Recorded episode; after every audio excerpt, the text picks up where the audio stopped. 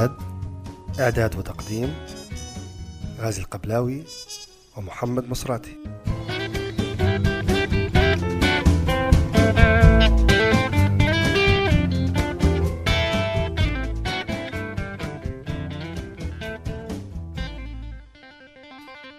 مرحبا بكم في هذه الحلقة الجديدة من بودكاست امتداد.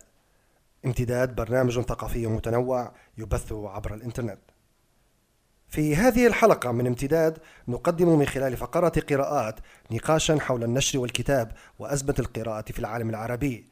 كما يجري محمد مصراتي مع الناشر عن دار الفرجاني غسان الفرجاني حوارا حول مشاكل النشر والطباعة والتوزيع في العالم العربي بالمقارنة مع صناعة النشر في الدول الغربية.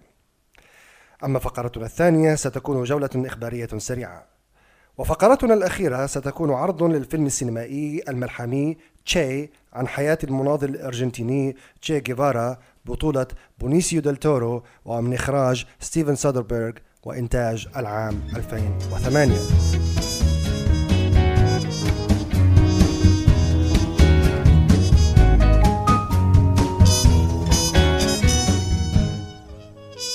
إذا فقرتنا الأولى ستكون حديث وحوار ونقاش حول أزمة النشر والتوزيع والقراءة في العالم العربي. فكما نعرف هناك الكثير من المشاكل التي تعاني منها صناعة النشر في العالم العربي. إلى جانب قلة القراءة الموجودة في أوساط في البلدان العربية بشكل عام. إذا محمد ماذا لدينا في هذه الفقرة الأولى؟ آه، طبعا إحنا في هذه الفقرة حنتكلم عن النشر بشكل عام في سواء آه، في الدول العربية أو حتى في أوروبا كمقارنة طبعا. وحنتكلم عن النشر كوسيلة لإيصال الكتاب إلى القارئ.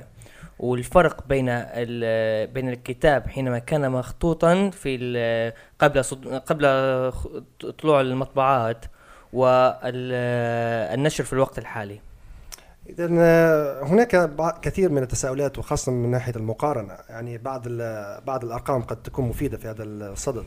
يعني هناك بعض الإحصائيات التي تقول بأن ما ينتجه العالم العربي من الكتب في سنة كاملة وهي طبعا وهي إحصائية تشمل جميع الدول العربية الكثيرة. لا لا تساوي حتى دولة واحدة في الدول الأوروبية. بمعنى آخر أن هناك إحصائية تقول بأن عدد العناوين التي تنتج في السنة في العالم العربي تصل إلى حوالي 30 ألف أو 40 ألف عنوان في السنة بينما دولة من الدول الأوروبية الأخرى مثل أسبانيا وفرنسا قد تنتج حوالي 50 أو 60 ألف عنوان بينما لا نستطيع أن نحصي طبعا آه، اللغة الإنجليزية بصفة عامة سواء في أمريكا أو أوروبا أو بريطانيا أو الدول المتحدثة باللغة الإنجليزية في نعم. في العالم الآخر. يعني يكفي أن بريطانيا تفوق أمريكا حتى في عدد إنتاجها للعناوين يعني تصل حوالي 200 ألف عنوان في السنة بينما أمريكا تصل إلى حوالي 180 ألف عنوان. فإذا حسبنا الكم مع بعض يصل إلى حوالي نصف مليون عنوان بكل سهولة. أه، طيب غازي بس نحن الآن علينا نشوف نقطة أن مثلا فيه 30 ألف كتاب يطلع بالسنة في الوطن العربي لكن أين هذه ال 30 ألف كتاب؟ أين القارئ؟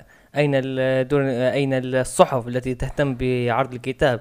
لو صدر في أمريكا أو في أوروبا مثلا وبريطانيا آه، أو أو كتب باللغة الإنجليزية حوالي 200 ألف كتاب في السنة لأن هناك قراء أصلا هناك من سيهتم بهذه الكتب. نعم. ولكن في الوطن العربي أين هم القراء أصلا؟ اذا المشكلة قد تكون هي مشكلة أيضا قراء وليست أيضا فقط مشكلة ناشرين ومشكلة طباعة ومشكلة طبعا توزيع. طبعا. لو كان في 30 ألف كتاب يطلع بالسنة الوطن العربي نحمد الله ونشكره.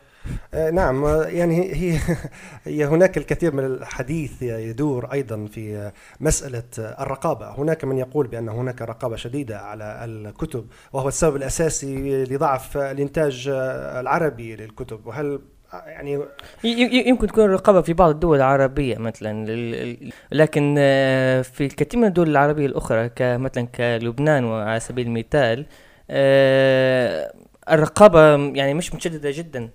ف إذا إذا صدر هناك 30 ألف كتاب كم أنا سؤالي الآن كم كتاب أدبي أو إبداعي من هاي 30 ألف؟ لا لا نستطيع أن نحسب ذلك بالفعل أنا مثلا نقول نعم. ألف كتاب مثلا أدب آه، أدبي لكن أين ب- أين القراء في هذا؟ لا يعني- بمعنى لا هو أحيانا لا نتكلم نحن على على الكم ولكننا نتكلم على التصنيفات الأخرى في هذه الكتب يعني حتى لو ذهبنا إلى مثلا إلى بريطانيا ووجدنا 200 الف كتاب أيضا هناك تصنيفات تصنيفات تختلف. طبعا نعم. يعني أعتقد أن الكتب ال- الكتب الاستهلاكية ستكون عددها أكبر من الكتب ال- ال- الأدبية والثقافية الأخرى. ولكن في في نفس الوقت لا زالت النسبة أعلى بكثير.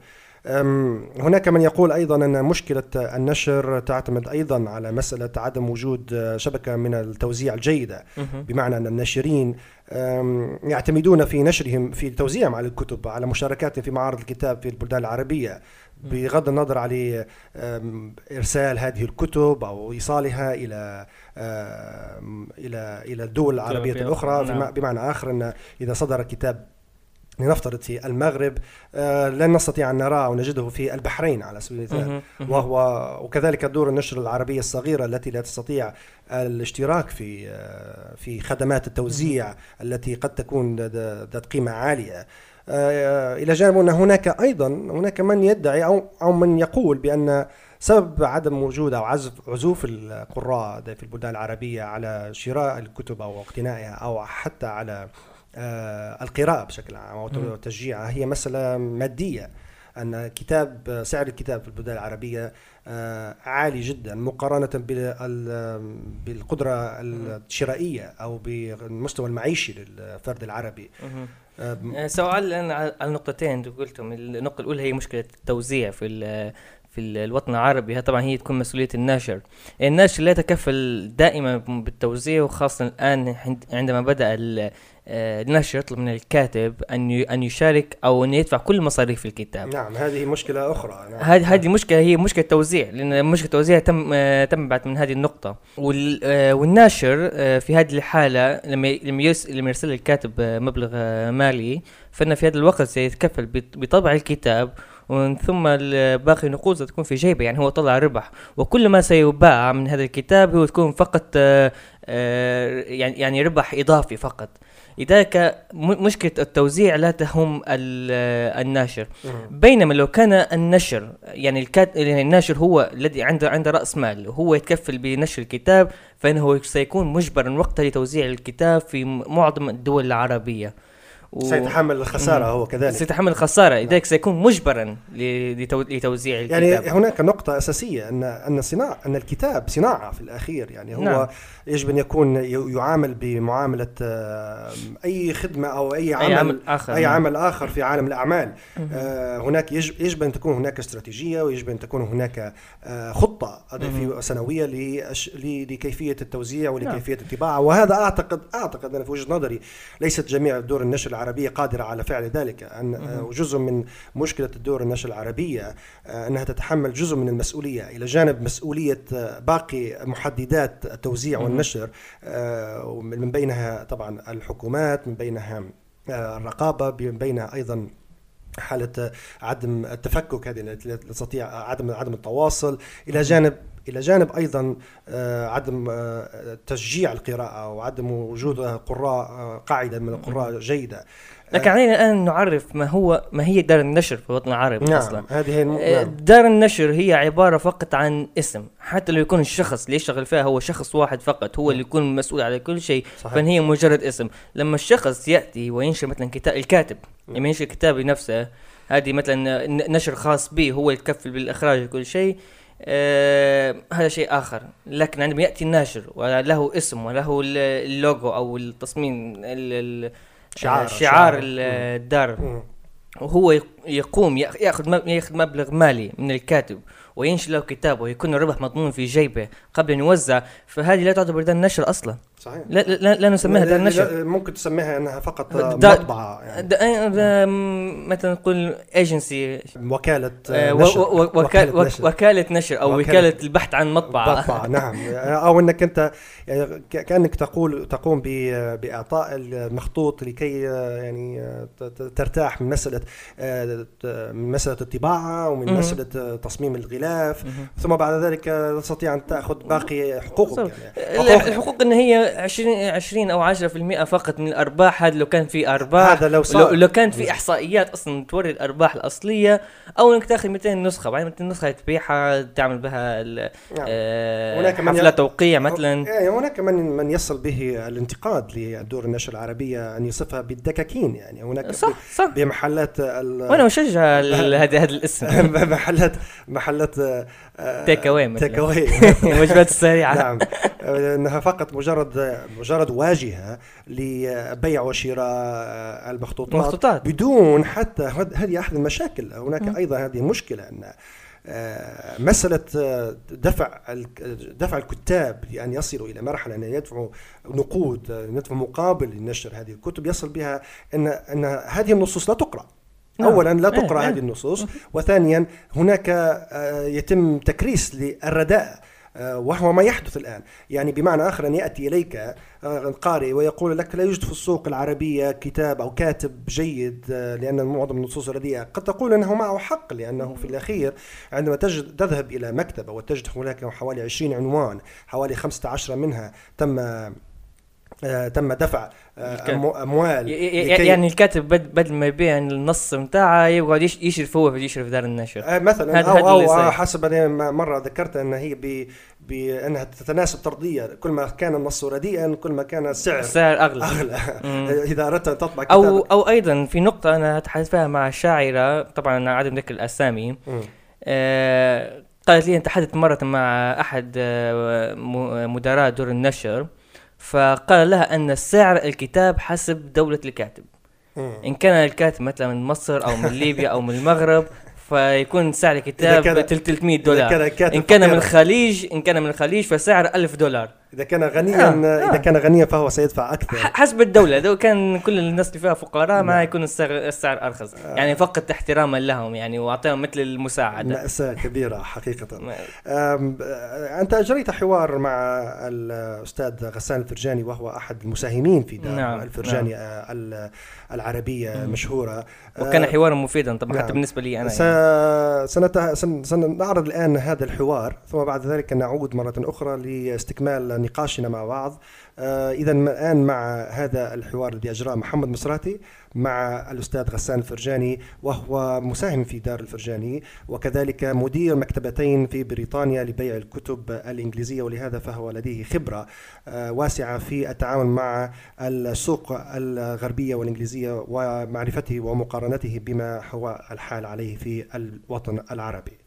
مرحبا مستمعينا الكرام نحن الآن في لقاء مع الأستاذ غسان فرجاني ناشر وصاحب مكتبة في في لندن.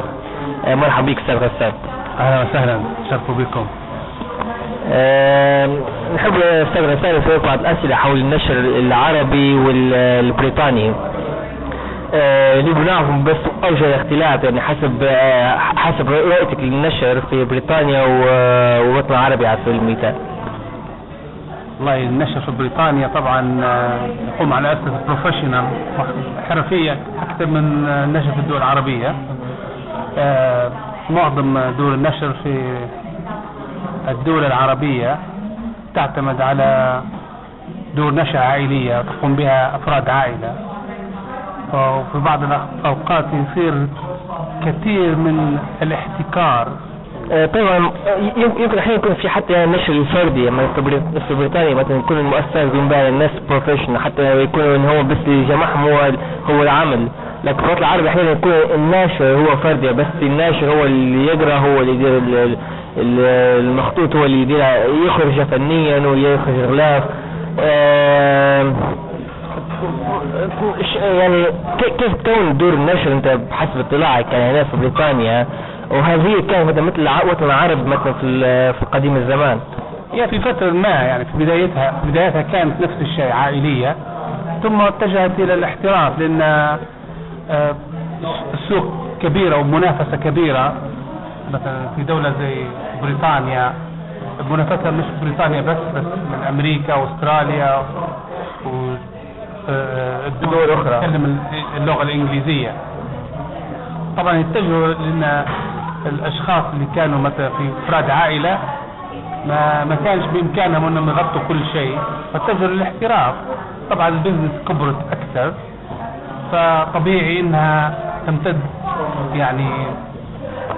يصير فيها امتداد دائما للنشر ودائما آه، السعي حول نعم. فيها آه، إذا- زي ما قلنا السوق سوق كبيرة يعني السوق سوق آه، لما نتكلم عن السوق الغربية طبعا الدول الغربية ما نتكلموش عن بريطانيا بس نتكلم عن سوق الكتاب نتكلم بريطانيا أمريكا يعني حتى في الدول ال- الأوروبية الثانية اللي اللغة الإنجليزية مش مش اللغة الأولى فيها الكتب الإنجليزية تباع هناك. وفي نقطة أخرى حتى نتكلم عليها في برنامج امتداد المسموع اللي هي نقطة ال- الكاتب اللي يتولى مصاريف الكتاب وهذا اللي ما نشوفوش شيء حتى في مثلا في أوروبا على سبيل المثال هل عندك أي آراء أو أو آه، أي خلفية حول هذا الموضوع؟ هذه هذه لاحظت أنها موجودة في في دول الوطن العربي إن هناك العديد من الكتاب الذين يريدون النشر كتاب الشباب يعني. كتاب شباب أو غير شباب يعني موجودين كثير الكتاب الذين يريدون النشر ليس هناك فرصة للنشر آه، لأن السوق العربية ضعيفة جدا. سوق الكتاب ضعيفة. فالناشرين الناشرين قلة. يعني لما قلنا إحنا الناشرين غير محترفين في ممكن تلقى مجموعة في لبنان أو مصر أو في المغرب. لكن ما زال هناك الكثير من الناشرين يعتمدوا على المصاريف يعني التكاليف كلها تتكفل بها الشركات أو العائلات وتكون مصدرها من مصادر رزق ثانية فلأن السوق نفسها السوق لا تدعم لا تدعم الناشرين. فالناشرين توا اللي صاير اللي شوف فيه ان هناك كثير من الناشرين مستعدين ينشروا لأي حد. ما دام هو مستعد إنه يدفع. بدون حتى قراءة النص يعني. بدون قراءة النص بدون مراجعة النص. حتى لو يقرأوا النص لما ينشروه تلقى كثير من الأغلاط في ال- في القصة أو في ال- في ال- في ال- في المادة. أخطاء مطبعية مع أخطاء آه، في الصفحات إملائية مثلا. أخطاء إملائية. موجودة موجودة كثيرة يعني. الإخراج الفني للكتاب أيضا. فأنت هنا الم- المشكلة اللي حتصير. اولا سوقنا ضعيف يعني هم الكتاب المثبتين جدارتهم موجودين. ما زال ما يعني لا يوجد لهم عدد, نص. عدد كافي من القراء الذي حي حيمولوا ال business هذا يعني ال- ال- الحرفة هذه. نعم. فأنت لما تجي تحط تنشر لكل علي ومحمد وحسين أي حد يعني آه يختلط الحابل بالنابل. يعني يكون عندك كم كبير موجود في المكتبات ويجي القارئ العربي يعني اللي هو طبعا إحنا قلنا إنه ناقص في السوق. آه يجي يلقى مثلا عدة كتب موجودة قصص وشعر واحد لكن لم تمر عليها رقابة رقابة إدارية يعني رقابة آه فنية. فنية. الكم الهائل من الناس نشروا ولكن لا يستحقوا النشر في الواقع هم لكن نشروا لنا دور النشر. حصلت له أصبحت البزنس بتاع دور النشر هذه إنها تنشر للكتاب وهذا هو مصدر الرزق بتاعهم وليس مصدر الرزق من المبيعات. بحيث بحيث النشر يتكلف بالتوزيع وه- وهذا يعني يؤدي حتى من مشكلة توزيع الكتاب يعني. هنا الكاتب الناشر لم يخاطر ب- ب- بماله. فليس عنده أهمية إذا نجح الكتاب ولا ما نجحش. ليس عنده أهمية هذا الكتاب يستاهل النشر ولا لا. لأنه هو ما عندهش خوف على. على أمواله. وبالنسبة للكاتب للنشر هذه في مو- توجد هنا في أوروبا مثلا يسموا فيها vanity publishing vanity publishing لإرضاء غرور الكاتب. و- وفي في نقطة أخرى هي التردي مثلا القراء مثلا في الوطن العربي يوجد مثلا كثير من القراء الذين يشترون الكتب. والكثير من ال- الناس يقولون بأن هذا يرجع لارتفاع عدد أسعار الكتب آه، بحيث أن القارئ العادي بين قوسين القارئ العادي. لا يمكن له أن أن يشتري مثلا كتاب مثلا ثمنه 10 دينار مثلا ليبي أو أو 15 دولار أو آه، إلى إلى آخره. فما فما رأيك في هذه النقطة؟ والله هو نعتقد انه ممكن الكتاب يكون غالي لكن آه، تكلفة إنتاج الكتاب غالية في نفس الوقت. والظروف اللي تواجه الناشرين والكتاب ظروف صعبة. يعني تلقى في الدول يعني يعني أنت لما حتى تستورد كتاب لازم تكون مش ناشر.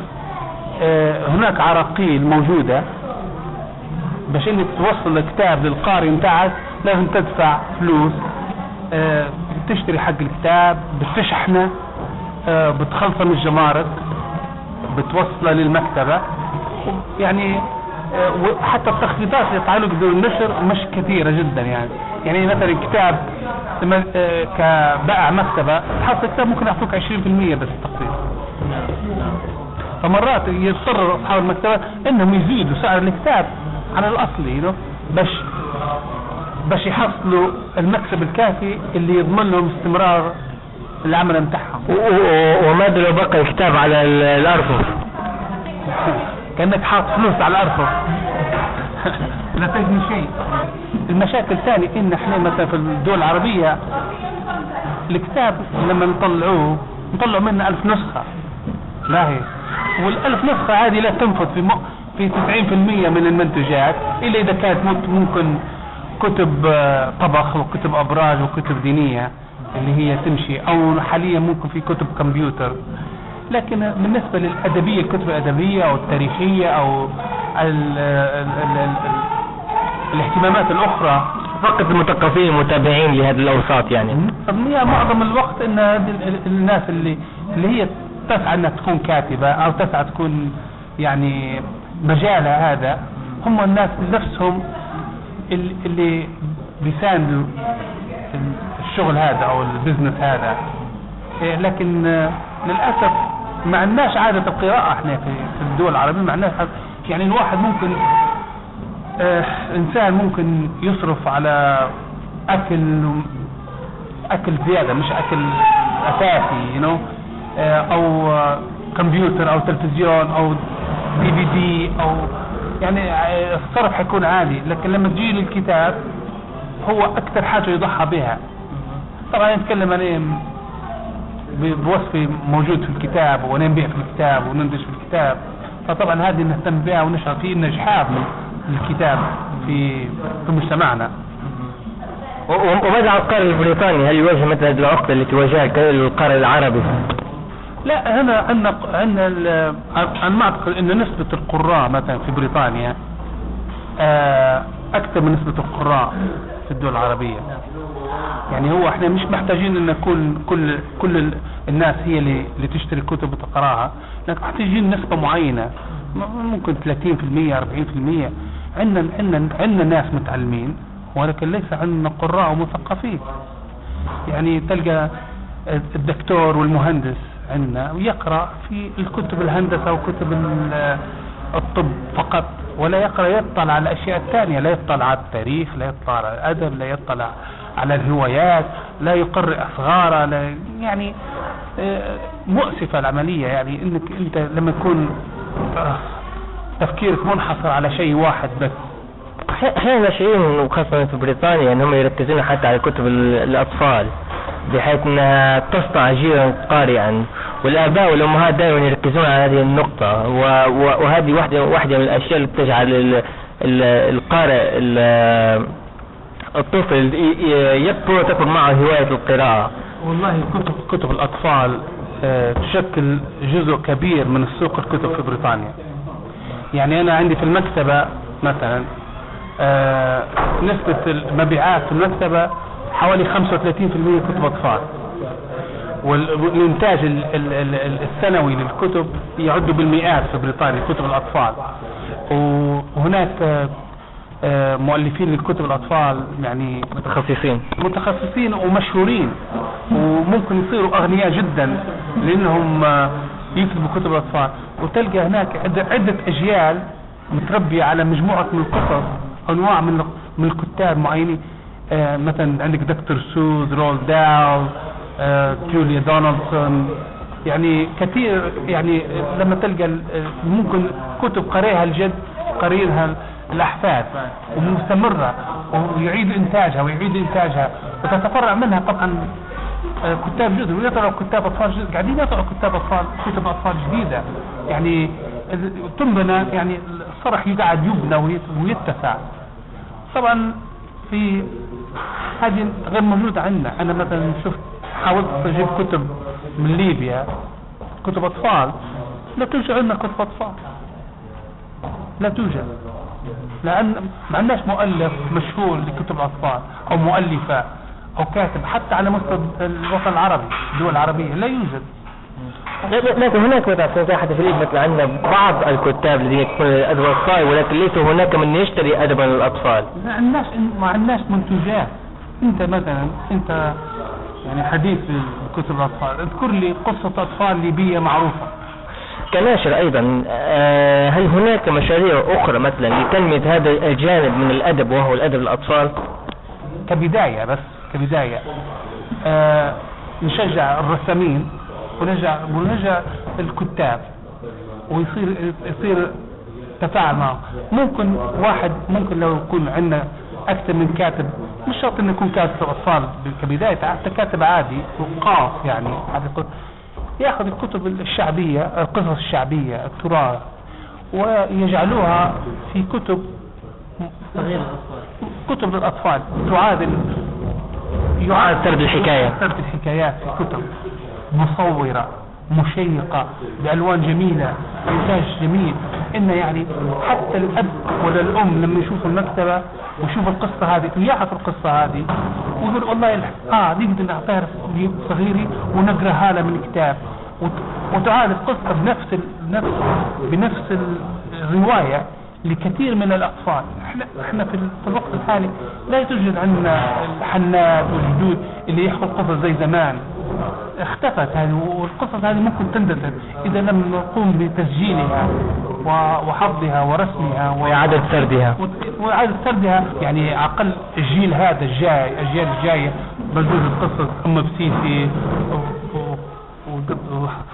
والقصص الثانية يعني الموجودة في في تراثنا في تراثنا يعني هذه أو هذه أول حاجة. مثلا قصص من من ليبيا من مصر من بيروت من لبنان من المغرب من الجزائر.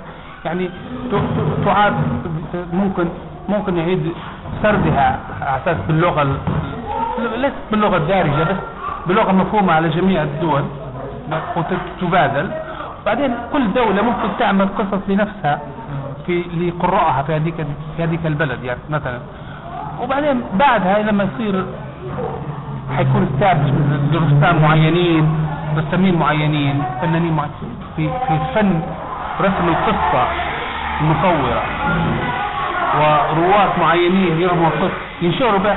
ممكن تطلع بعدين قصص ثانية يعني. يعني أو ممكن حتى الترجمة إحنا سوا اللي صاير عندنا أظني كثير من الكتب تترجم. تترجم ترجمة حرفية بعض الأوقات وتترجم ترجمة دقيقة أحيانا ليس لها علاقة بالمجتمع. القصة مش إنك تترجمها إنك لازم تكون قدمها لل للقارئ بتاعك بطريقة يفهمها ويكون يكون علاقة بالوسط اللي أيوة أيوة, أيوة. في النهاية شكرا لك أستاذ غسان وشرفنا حضورك في برنامج امتداد المسموع. شكرا جزيلا لك. شكرا لكم وشكرا بارك الله فيكم. إذا استمعنا لهذا الحوار والنقاش شكرا محمد على إجراء هذا الحوار الشيق وحقيقة يعني هناك كثير من النقاط التي آه، قام أستاذ غسان الفرجاني بطرحها وخاصة في مسألة مثلا كيفية الخروج من هذا المأزق وتعليم الجيل الجديد آه، عادة القراءة. طبعا هذه هذه مشكلة صعبة جدا وصعب حلها لكن من اهم يعني الأساسيات اللي فيها إن المدرسة يجب أن يكون لها واجب في فتح المكتبات. عن تجربتي الشخصية لما كنت أنا في ليبيا مثلا المكتبة كانت فقط حجة لاجتماع المعلمات للدردشة والترترة فقط. يعني ما كان ولا يوجد أبدا كتب يعني حتى للأطفال. و وطبعا إظهار أن أو في مشكلة نحن تكلمنا فيها مرة أنا وياك حول السعر المادي للكتاب وأنا كانت عندي نقطة إن هي تقول ان إن سعر الكتاب في الوطن العربي غالي بين نتناقش فيها وانت كان عندك وجهة نظر أخرى والآن قالها الأستاذ غسان في الحوار نعم، نعم. أن أن هناك كثير من العوائق لإيصال كتاب لأي دولة طبعا الشخص الذي آه الذي يشتري دي في ديز أو الذي يشتري مثلا حتى مثلا حذاء ب 70 دينار هو شخص قادر على إنه يشتري كتاب ب 5 دينار أو ب 10 دينار إن كان هو المهتم. يعني المشكلة الآن مشكله إن ضروري نظهروا آه ما فائدة الكتاب. لدى نعم. الناس آه، تثقيف. التركيز التركيز على أن الكتاب مهم مثل مهم. أهمية الملبس والمشرب نعم. وباقي الأشياء مم. يعني اجدها أحيانا هناك بعض هي معظم محددات النشر ومشكلة أزمة النشر والكتاب في البلدان العربية أعتقد أن هي آه، مشكلة قارئ هي مشكلة مش مشكلة قارئ فقط هي مشكلة تكاسل من جميع المحددات الأساسية للكتاب يعني هناك تكاسل من دار النشر في اختيارها للنصوص الجيدة هناك تكاسل منها أيضا في الطباعة الجيدة والتوزيع الجيد. هناك أيضا تواطؤ مع الحكومات العربية التي تحاول بقدر الإمكان أن تسيطر على الكتب الداخلة والخارجة منها وعدم مدي وكذلك وضع رقابة شديدة عليها. إلى جانب هناك أيضا تكاسل من آه، من حركة النقد من آه، من النخبة وح- وحتى الثقافية. وحتى وجود مكتبات مكتبات يعني قليلة جدا هنا في الوطن العربي. ليس هذا فحسب بل أن هناك مكتبات في البلدان العربية بشكل عام ولكن لا تجدها تهتم بالقارئ الذي أو الزبون الذي يدخل إلى هذه المكتبات وتقوم بعرض الكتاب بشكل جيد بحيث أنها تج- تج- تجذب تجذب ال- ال- ال- الزبون وتقدم له. بحيث بحيث إن يعني ان البائع يجلس على الكاسه وينتظر متى يأتي نعم الكتاب. ليس هناك تشجيع من قبل. العاملين في في في في المكتبات آه، بتشجيع القارئ الداخل لهذا المكتبه بأن يشتري ذلك الكتاب أو يقوم بتوصية الكتاب هذا الكتاب يقول له هذا الكتاب جيد هذا الكتاب مثلا ربح جائزة هذا الكتاب مثلا آه، أثار جدلا معين يعني آه، هذه هذه تكاسل أيضا. وكذلك هناك تكاسل من القارئ. أن هناك القارئ يجد أن يقول لك آه، كتاب بعشرة دنانير أو عشرة ذي جنيهات أو ما شابه ذلك أو بخمسة عشر أو حتى بعشرين ي- يقول لك غالي أنا لا. أستطيع أن أتحمل ذلك آه، بينما آه، يعني أنا أعرف أن هناك كثير من من المواطنين العرب الذين ذوي الدخل المحدود حقيقة الذين لا يستطيعون الشراء ولكن كم عددهم في هذا في هذا في هذا في هذا البحر من الشعوب البارح البارح العربية. بالصدفة قر- قرأت إحصائية حول حول ال- ال- الب- بيع ال- يعني حول الإنسان العربي يعني بشكل عام والصرف بتاعه فطلع إن 60% مما يصرفه من دخله الخاص هو فقط لاشياء يدفعها بس لمجرد الدفع.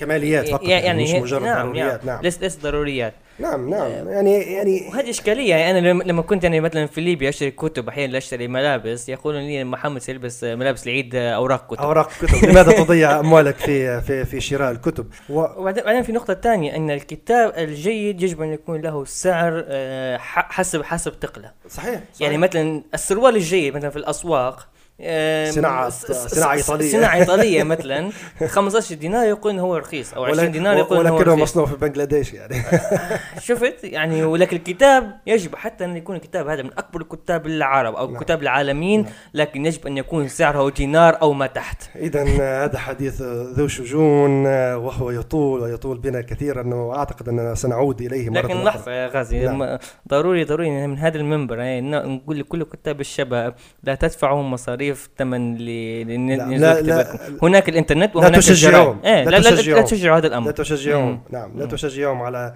هذه ال- الممارسات بالضبط ال- الممارسات غير- لا اخلاقيه غير شريفه غير شريفه اذا هذا نقاش آه، آه، نع- نعتقد بأن هناك الكثير نستطيع أن نتحدث عنه في الحلقات المستقبلية ويعني نطلب منكم أن تشاركونا بآرائكم ونقاشكم وتجاربكم. يعني مهما كان هناك أحد يعني هناك من يكون لديه تجارب في هذا المجال وسنستفيد منها حقيقة. الآراء التي نقدمها هنا ليست إلا مجرد يعني اطلاعات ومقاربة لتجربتنا وتجارب الآخرين من حولنا. اذا ننتقل الآن إلى الفقرة القادمة وهي فقرة الأخبار السريعة.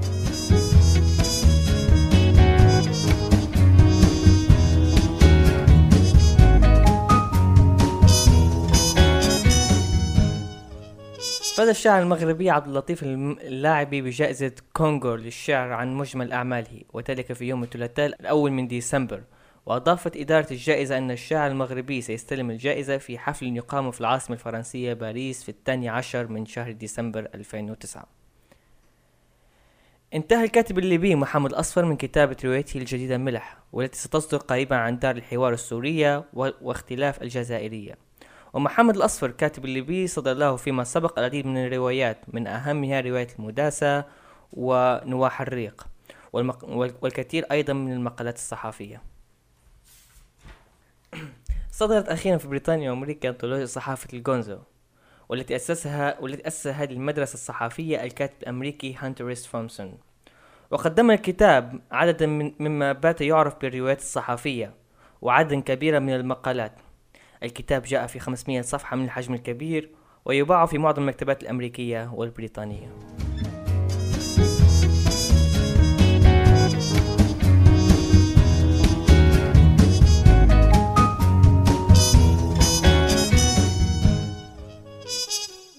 إذا شكرا محمد على هذه الجولة الإخبارية السريعة. فقرتنا الأخيرة ستكون مع الفيلم الملحمي تشي وهو عن حياة المناضل الأرجنتيني تشي جيفارا من بطولة بينيسيو ديل تورو ومن إخراج ستيفن سادربرغ محمد معك المايك. فيلم تشي يتحدث باختصار عن, عن إحدى أهم الشخصيات الثورية في كوبا والعالم بشكل عام ألا وهو تشي جيفارا والفيلم منقسم لجزئين. الجزء الأول يتكلم عن فترة الثورة الكوبية وحرب العصابات اللي أطاحت بنظام بات- باتيستا الرأسمالي والجزء الثاني حول ذهاب تشي جيفارا إلى أفريقيا ثم دول أمريكا اللاتينية من أجل توسيع الثورة وقيامها في معظم الدول المحيطة بكوبا. متخليا بذلك عن منصبه في القيادة الكوبية وجنسيته كذلك. وبين الجزء الأول والجزء الثاني اللي هو طبعا فيلم يعني بشكل عام مدة ست ساعات وهو منقسم لجزئين مثل ما قلنا يعني الف... ال- ال- الفرق بين الجزء الأول والجزء الثاني من الفيلم الك- الكثير والكثير من الاختلافات. ففي الجزء الأول يركز العمل على الجوانب المزهرة من حياة تشي ألا وهي فترة قيام الدولة الكوبية والأحلام التي كان يعيشها جيفارا بحيث يظهر الفيلم بطريقة تعطي انطباعا بأن المستحيلات تتحقق. كما أن الجزء الأول بموسيقاه وأمكنته وابتسامة البطل ومخططاته الناجحة يعطي الانطباع الجميل لدى المتلقي. بينما الجزء الثاني بأمكنته وموسيقاه يعطي الجانب الكئيب وخاصة وأن المتلقي يدرك لا محالة أن البطل جيفارا سيموت سيموت يعني. كما ركز الجزء الثاني أكثر عن على المرض الذي كان يعاني منه آه، البطل والحزن الذي كان مسيطرا عليه. جيد. إذا معناها هذا الفيلم يعني هل تعتقد بأن أي حد يستطيع أن يشاهده خاصة يعني ست ساعات يعني حوالي ثلاث ساعات آه، في الجزء الأول وثلاث ساعات في الجزء الثاني إلى جانب أنه أيضا ليس باللغة الإنجليزية لكنه باللغة الإسبانية مع آه، وجود آه، ترجمة يعني بجميع اللغات الأخرى. في الحقيقة أنا بالنسبة لي يعني مشاهدة الفيلم آه نحكي مثلا عن الجزء الأول. يعني أنا شاهدته يعني كنت آه وقتها مع والدي لأن والدي مهتم بسيرة آه تشي جيفارا الجزء الأول من بدايته يشد المشاهد خاصة حتى يعني بال- باللهجة الإسبانية واللكنة الكوبية هذه يعني فيها فيها أجواء. ومع السبتايتلز ولا الترجمة تحت تحت تحت, تحت الشاشة. و والفيلم حول يعني القفز بين ال... بين تشي جيفارا بعد الثورة ووسط الثورة والأمم المتحدة والحوارات يعني يخلي إن المشاهد ما يعني يعني ما يشوف إن الفيلم يعني عادي يعني مش طويل جدا حتى- أو ممل يعني, يعني- مشوق فيه تشويق يعني. نعم وحتى التصوير هناك في الإخراج. طريقة الإخراج مهم. أنه هناك مقاطع كأنها تشبه مقاطع ال documentaries المقاطع الوثائقية وثائقية صح يعني هناك نعم. بعض أحيانا وخاصة في بداية الفيلم حيث يعرض أنه زيارة تشي جيفارا إلى ال- إلى نيويورك. آه،. واستقباله ك celebrity يعني. كاحد المشاهير. وإجراء اللقاءات وعرضها بالأبيض والأسود على الرغم من أنها لم تؤخذ بالأرشيف ولكنها تم تمثيلها كاملة أي. بواسطه يعني من خلال آه، ال- التقمص ال- الرائع الذي قام به الممثل بينيسيو ديل تورو وهو طبعا غني عن التعريف آه، أحد آه، أشهر الممثلين في أمريكا وهو من المكسيك أصله من المكسيك. وفاز فيما سبق بجائزة الأوسكار عن أحسن ممثل. ممثل صح.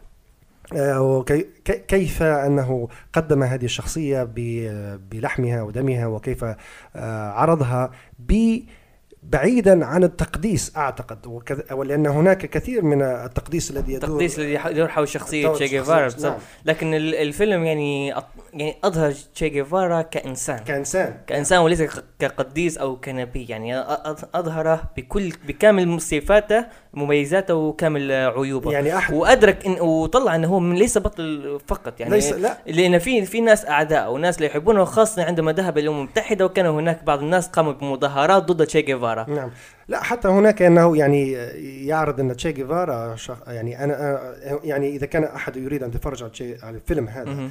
يجب أن يت...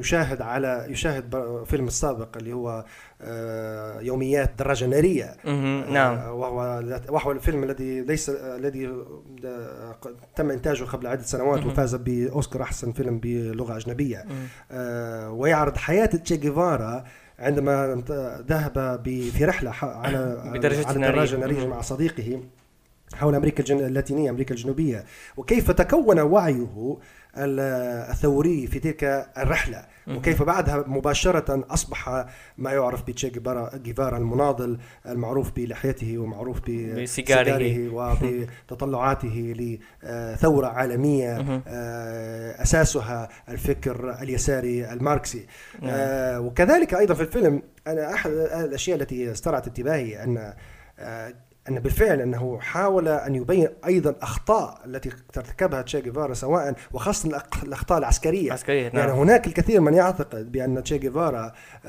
أحد بطولات أنه بطل من خلال آه، انتصاراته العسكرية. عسكرية، نعم. على الرغم من أنه لم يكن عسكريا ولم يكن آه، حقيقة أن جزء أساسي من من من من اغتيال من من قتله واغتياله أو إعدامه في بوليفيا عندما في العام 1967 نعم. آه، كان جزء منه هو خطأ فادح عسكري قام به أدى إلى قتل قد- كل لدي أفراد مجموعته نعم. التي حاولت القيام بثورة مشابهة مثل ما حدث في كوبا. نعم. ويظهر أيضا حتى يعني في الإسقاط هو طبعا الإسقاط هذا ليس إسقاط بمعنى إنه هو يريدون الاطاحه بتشي جيفارا وإنما هو يدرون يريد يريد المخرج إظهارها أو كاتب السيناريو ك كإنسان عادي. هو في المشهد الأخير مثلا عندما تم سجنه وكان بينه وبين ال- الحارس يعني حوار حوار يظهر ان تشي جيفارا مثلي ومثلك ومثل أي شخص يعني في العالم. آه، طبعا في- واحد واحد أيضا في الاختلاف بين الجزء الأول والثاني مع إن في ناس يقولون الجزء الأول والثاني صوروا يعني في نفس المرحلة. ولكن هناك كان اختلاف كبير وهناك ال- المرحلة الفاصلة بين بعد قي- قيام الثورة الكوبية وبين تخلي تشي جيفارا عن مناصبه وصبر كانت هناك مرحلة لم يتم ذكرها ابدا في إلا عن طريق بعض الفلاش باك أو بعض الحكايات بين بين تشي وزوجته يعني. وهذه ما رأيك فيها يعني هذه لا هو أنا حقيقة هو يعني هذا ما يحدث كثيرا في سيرة الأبطال. أحيانا تجد أن هناك في أي سيرة بطل في التاريخ تجدهم يختزلون تلك الفترة يبدأون بما بدأ ببدايه حياته ال- التي أظهرت نبوغه ثم بعد ذلك يصلون إلى نهايتها. النهاية والمدة الفاصلة بينها مثلا لو قلنا 20 عاما أو 25 عاما يتم اختزالها وكأنها لم تحدث.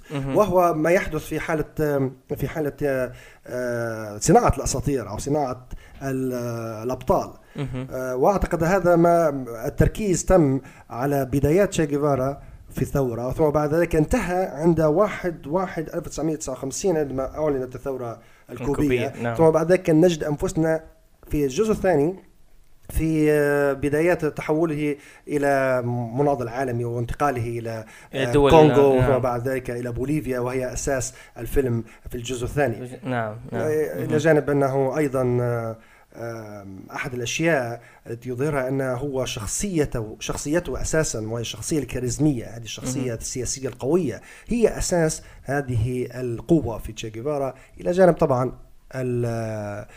صناعة البطل صناعة نعم. البطل في فيما بعد التي حدثت. بعد وفاته.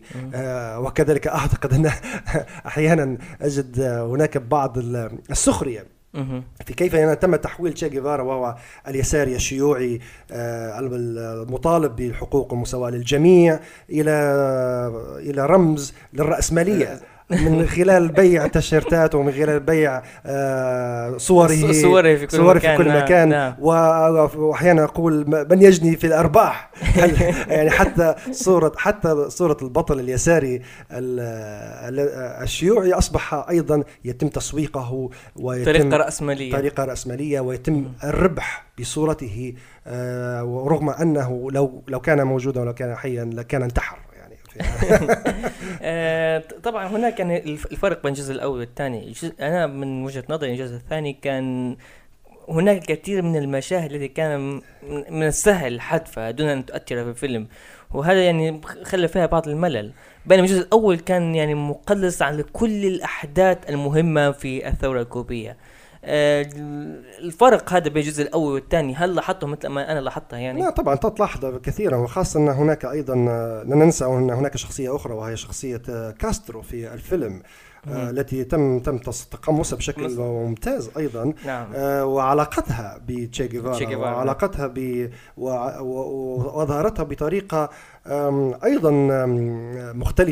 أيضا. بطريقة آه، أعتقد ممكن هناك يجوز في المستقبل لكن. تم إطاحة آه، بشخص آه، كاسترو في الجزء الثاني عندما أظهر أن تشي جيفارا كان في إحدى مهماته واتصل بكاسترو وكان كاسترو في أحد الحفلات نعم جالسا مع مع النساء ويشرب فهذه أظهر إسقاط كبير بأن تشي جيفارا هو الشخص ال ال ال الأكثر مجدا من كاسترو الذي احتفظ بالسلطة واحتفظ بال يعني هو يعني تشي جيفارا الرجل الرجل غير العسكري. آه، لم يصبح رجل دولة بينما الشخص زي كاسترو اللي هو الشخص العسكري أصبح, أصبح رجل, رجل دولة, دولة نعم مهم. طبعا في حتى الفيلم ال- الذي عرض في العام 1968 حول تشي جيفارا الذي آه، تقمص شخصيته ال- الفنان آه، المصري العالمي عمر الشريف وطبعا هذا كان من واحدة من أسوأ الأفلام حول تشي جيفارا وعم وعمر الشريف اعترف بذلك. هل تفرجت أنت على الفيلم؟ لا لم أشاهده لكني سمعت الكثير عنه وسمعت الكثير من انتقادات ومنهم من قال أيضا هناك من قال بأنها كانت آه، أيضا ممولة ممولة من الس- من من, السي اي اي من نعم المخابرات الأمريكية نعم. لتشويه. في ما يعني في مرحلة تعرفها في مرحلة الحرب الباردة كانت هناك كثير من الصراعات يعني وصلت إلى مرحلة يعني كانت يعني ولا زالت كوبا الآن آه، تقع تحت آه، عقوبات أمريكية مهم. معروفة. ولا زال تحت يعني محل صراعات عالمية. على الرغم من مرور خمسين عاما يعني. نعم. يجعلك تتساءل آه، ماذا كان سيحدث لتشي جيفارا لو بقي حيا هذه الفترة كلها. الناس الآن يسبونه. على أي حال هذا يعني عرض آه، حاولنا أن يعني نختزل هذا الفيلم. وهو حقيقة آه، دعوة للجميع. أي حد باستطاعته أن يشاهد هذا الفيلم ويستمتع بالإخراج والتصوير وكذلك الأداء العالي للممثلين. وأنا مش عارف يعني هل هذه يعني واحدة من عندي الحق إني نقولها ولا- أو لا. نعم. أن الفيلم بإمكانها مشاهدته كاملة على اليوتيوب. وبالسبتايز العربي طبعا. لا أعتقد أن لديك الحق في ذلك. إذا كان هذا العرض آه، عرض مختصر ونرجو أن تشاهدوه في القريب العاجل.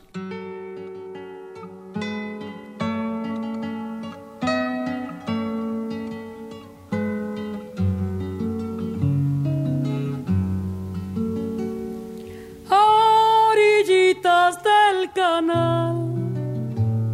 Cuando llega la mañana, sale cantando la noche desde lo de Valderrama. Sale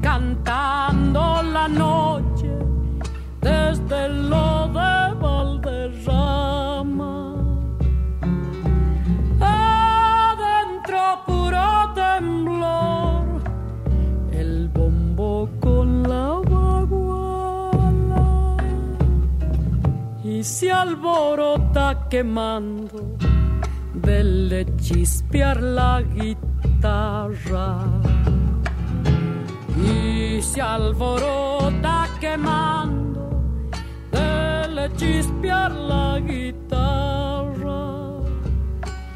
Lucero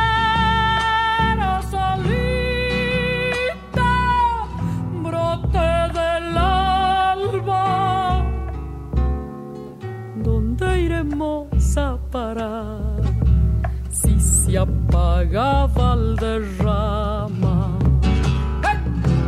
¿Dónde iremos a parar si se apaga Balderrama? في ختام هذه الحلقة من امتداد نرجو أن تلقى آراءكم وتعليقاتكم عبر مدونة امتداد امتداد blog dot com كما نرجو أن تكون قد نالت استحسانكم ورضاكم. في نهايتها كان معكم غازي القبلاوي ومحمد مصراتي إلى اللقاء.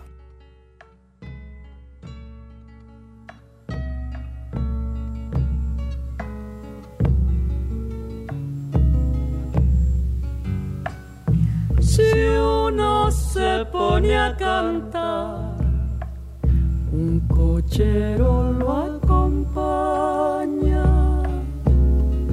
y en cada vaso de vino tiembla el lucero del alba. Y en cada vaso de vino tiembla el lucero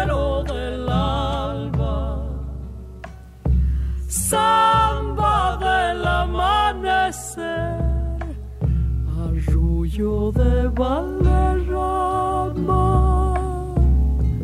canta por la medianoche, llora por la madrugada.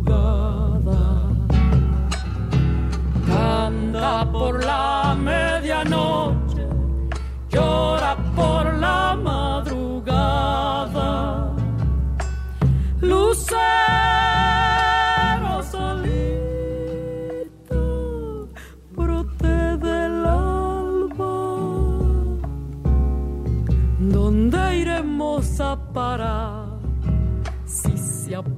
gafal de rama. ¡Eh! ¿Dónde iremos?